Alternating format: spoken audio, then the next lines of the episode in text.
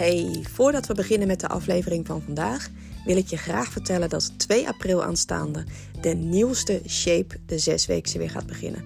Het is een compleet vernieuwd programma, een vol, bordevol tools om uh, jou extra te helpen om jouw doel te gaan bereiken bovenin de show notes van de podcast, dus niet bij de aflevering, maar helemaal bovenin. Daar vind je de link voor meer informatie of om je in te schrijven. En met de kortingscode APRIL met hoofdletters geschreven ontvang jij alleen bij deze eerste editie 100 euro korting. Ik zie jou heel erg graag in shape.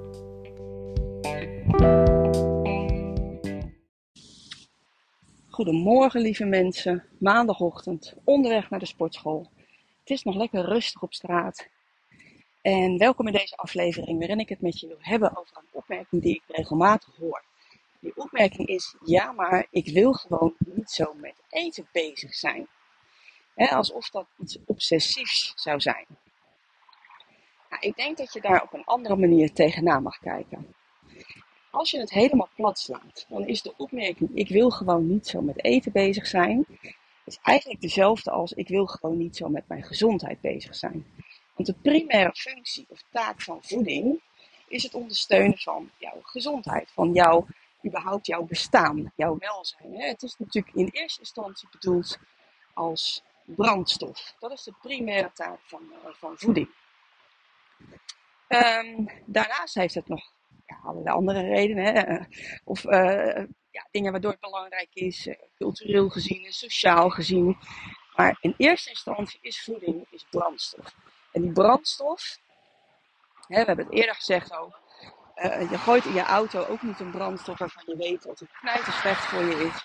En pak je ook een brandstof waarvan je weet, oké, okay, daar doet mijn auto het goed op en dan gaat hij er gewoon niet kapot aan zodat ik binnen een uh, bepaalde tijd naar de garage moet. Omdat ik er gewoon een heel verkeerd spul in gegooid heb. Nou, als je het op die manier bekijkt, dan zou dat eigenlijk ook zo voor voeding moeten gelden. En dan is ik wil gewoon niet zo met voeding bezig zijn, betekent ik wil gewoon niet zo met mijn gezondheid bezig zijn. En dat is een bijzondere. En ik denk dat het maar net is hoe je daarmee omgaat en hoe je daar, uh, ja, hoe je daar naar kijkt. Want je kunt met voeding bezig zijn. Kun je natuurlijk zeggen, hè, dat is, ja, als je een beetje in, in de klaagstand gaat staan, ja, maar hè, dan, dan moet, ik, uh, moet ik mijn calorieën bij gaan houden. Dan moet ik altijd maar nadenken of ik iets wel of niet mag. En uh, nee, dat is helemaal niks voor mij. En ik vind het obsessief. En ben ik altijd maar met eten bezig. Ja, dat klinkt natuurlijk, ik weet niet of met jou zit, maar als je dit hoort, terwijl ik het op die manier uitspreek, krijg ik meteen al, mijn schouders gaan een beetje hangen. En ik heb meteen al zo'n gevoel van, bah. Terwijl als je gewoon zegt, ja, ik ben met voeding bezig. Ik vind het belangrijk om te weten wat er in mijn lichaam komt. Ik vind het belangrijk om mijn lichaam op de juiste manier te voeden. En uh, daarom wil ik dat gewoon heel graag, wil ik dat monitoren, uh, bijhouden. En uh, zien hoe mijn lichaam daarop reageert.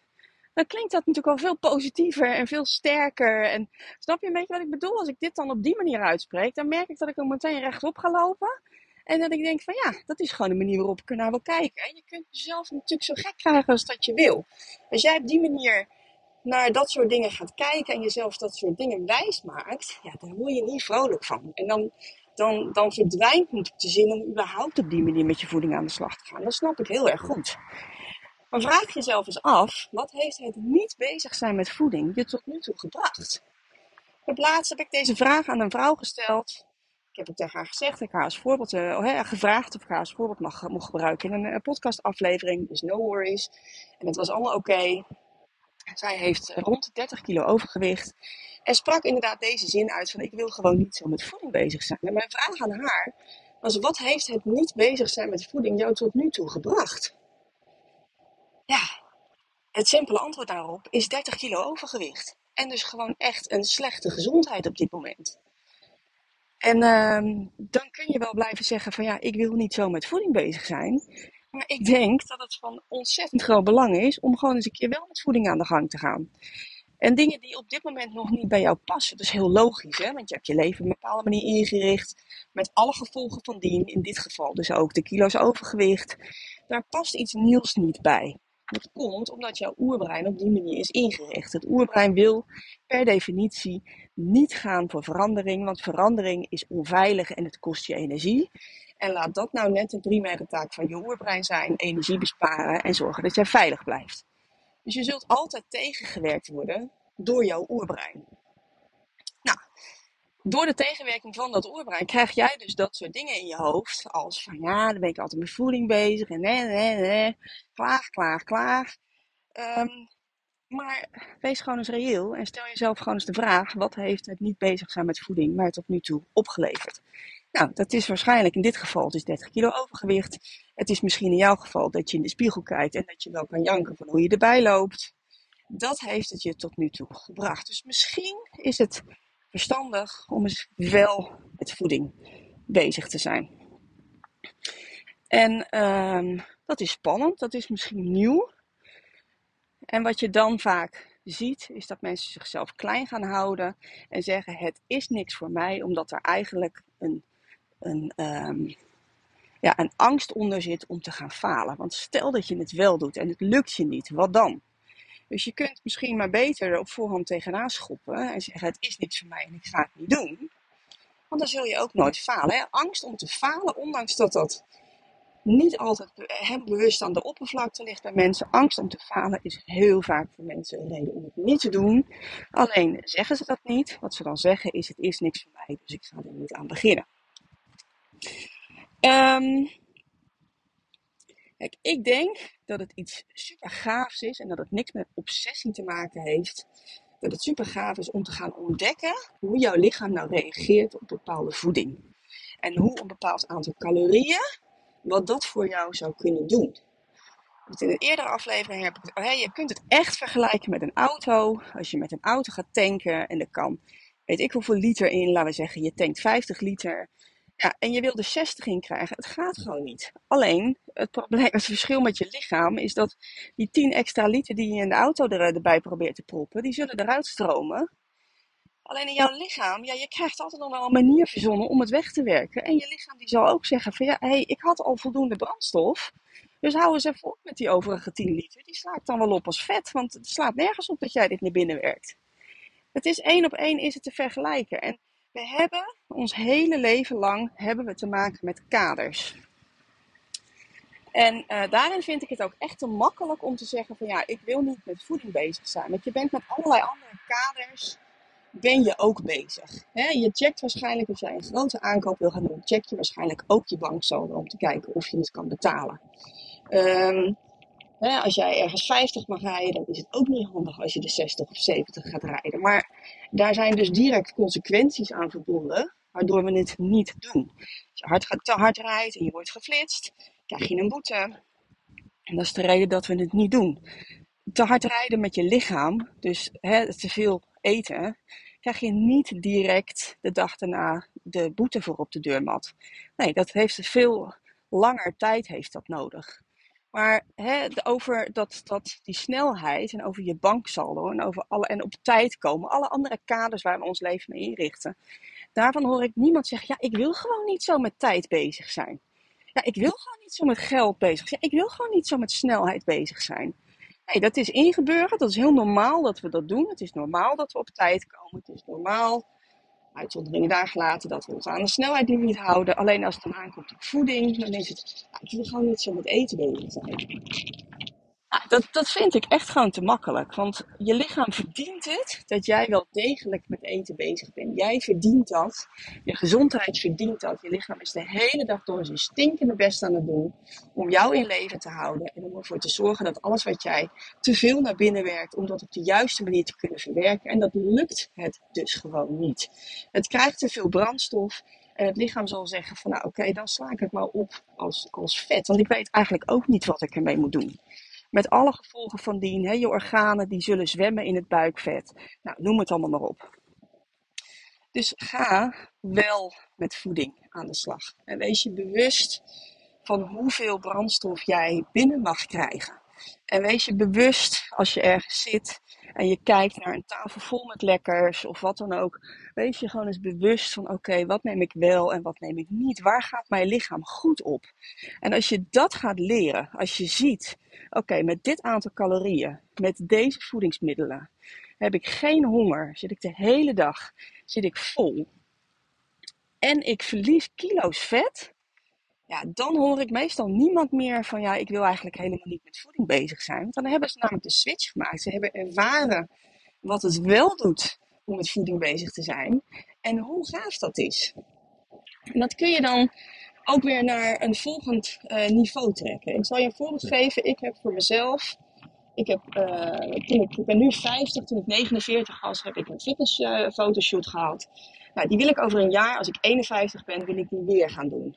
Dan wil ik een betere shape in gaan zetten dan op mijn 49ste. Nou, ik heb dat van de week met wat mensen besproken. En eigenlijk de opmerking die ik uh, nou, best wel wat kreeg, was: waarom zou je dat doen? Is het niet goed zoals het is? Nou, hè, dus ook in mijn geval hebben mensen daar een mening over. Als je maar iets met je, met je lichaam wil, en je wil gespierder worden of je wil afvallen of wat dan ook. Zijn altijd mensen die het niet nodig vinden of uh, nou, wat dan ook het al vaker over gehad. Hè. Heb je niks van aantrekken. Ik denk dan van oké, nou ja, prima dat jij dat vindt.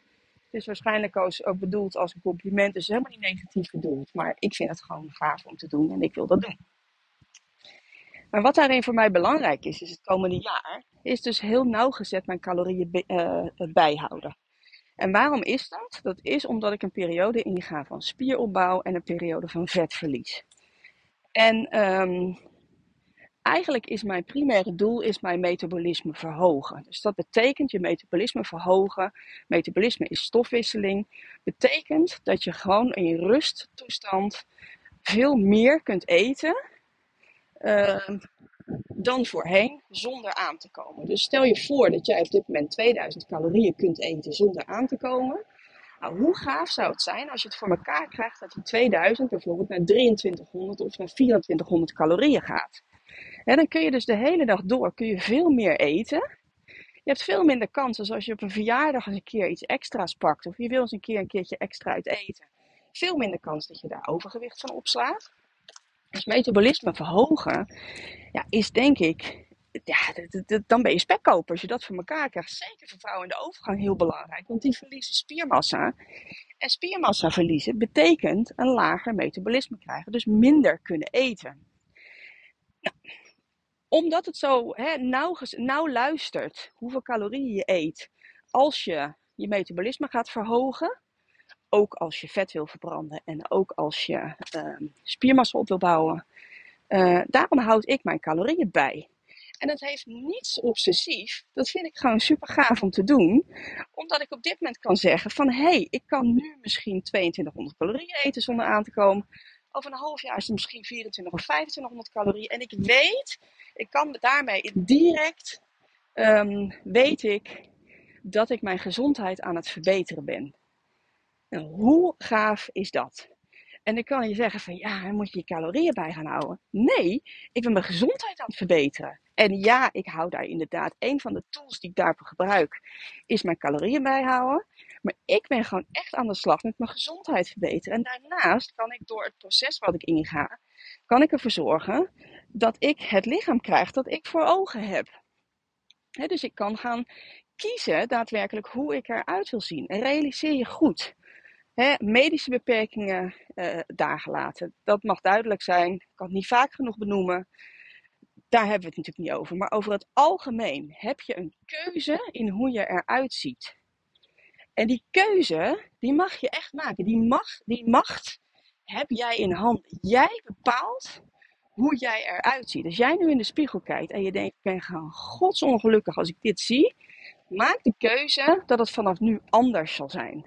En dan sta je er niet over een week of over een maand anders voor. Dat heeft een langere tijd nodig. Maar oh jee, wat ben jij blij als je die tijd neemt.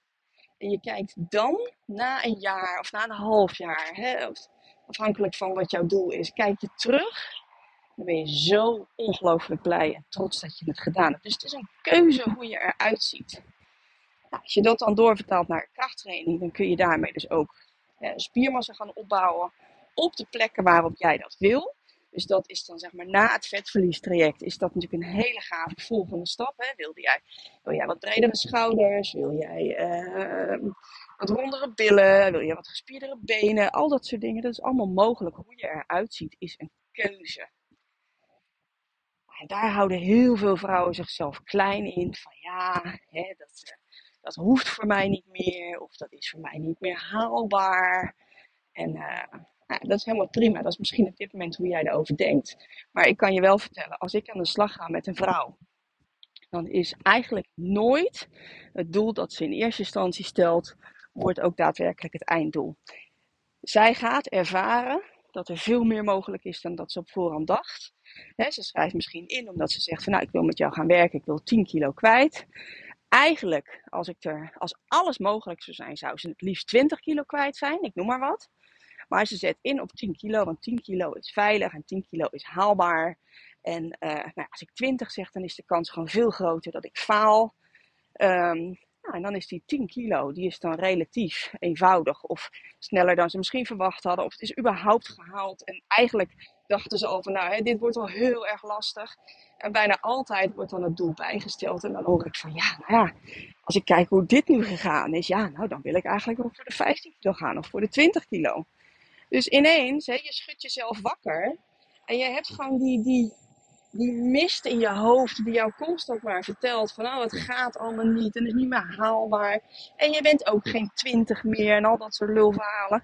En ineens lossen die helemaal op als sneeuw voor de zon en ga je ineens denken van jeetje, wat is er eigenlijk allemaal mogelijk? Alles is mogelijk.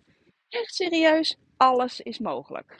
Je moet alleen de juiste acties uitvoeren en je moet er de tijd voor nemen. Die twee dingen. Als je er niet de tijd voor neemt, als jij bent van grote stappen snel thuis en uh, het zit even tegen of wat dan ook, je gooit de handdoek in de ring, ja, ga je de oorlog nooit winnen.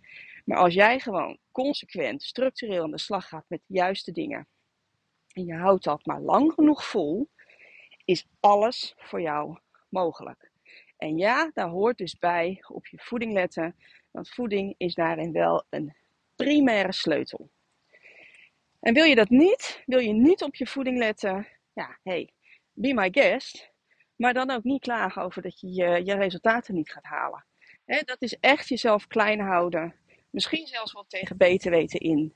En denk dan eens terug op het moment dat jij jezelf dat weer hoort zeggen. Denk dan eens terug aan je banksaldo, aan uh, je snelheidslimiet, op tijd komen, aan al die andere kaders waar je wel aan voldoet. Die eigenlijk niet eens 1, 2, 3 te maken hebben met je gezondheid. Nou ja, je snelheidslimiet misschien wel. Um, maar degene die natuurlijk het meeste invloed heeft op je gezondheid is uh, je beweging en je voeding. En dat je daar dan van zegt, ja oké, ik hou me aan alle kaders. Maar voeding bijhouden, nee, dat vind ik zo gedoe. Ik wil echt niet, uh, nee, ik wil niet de hele tijd met eten bezig zijn. Nou, ik ben wel de hele tijd met, eten bezig. En um, jij bent eigenlijk ook de hele tijd met, met, eten bezig. In die zin dat je het in je mond stopt, uh, ondoordacht. Um, misschien niet jij, degene die nu luistert, maar hè, degene die zegt: Ik wil niet zo met eten bezig zijn, maar wel heel veel kilo overgewicht heeft. Dat is natuurlijk iemand die ook heel erg met eten bezig is, want die stopt het de hele dag door in zijn mond. Dus we zijn allebei heel erg met eten bezig, alleen op een hele andere manier.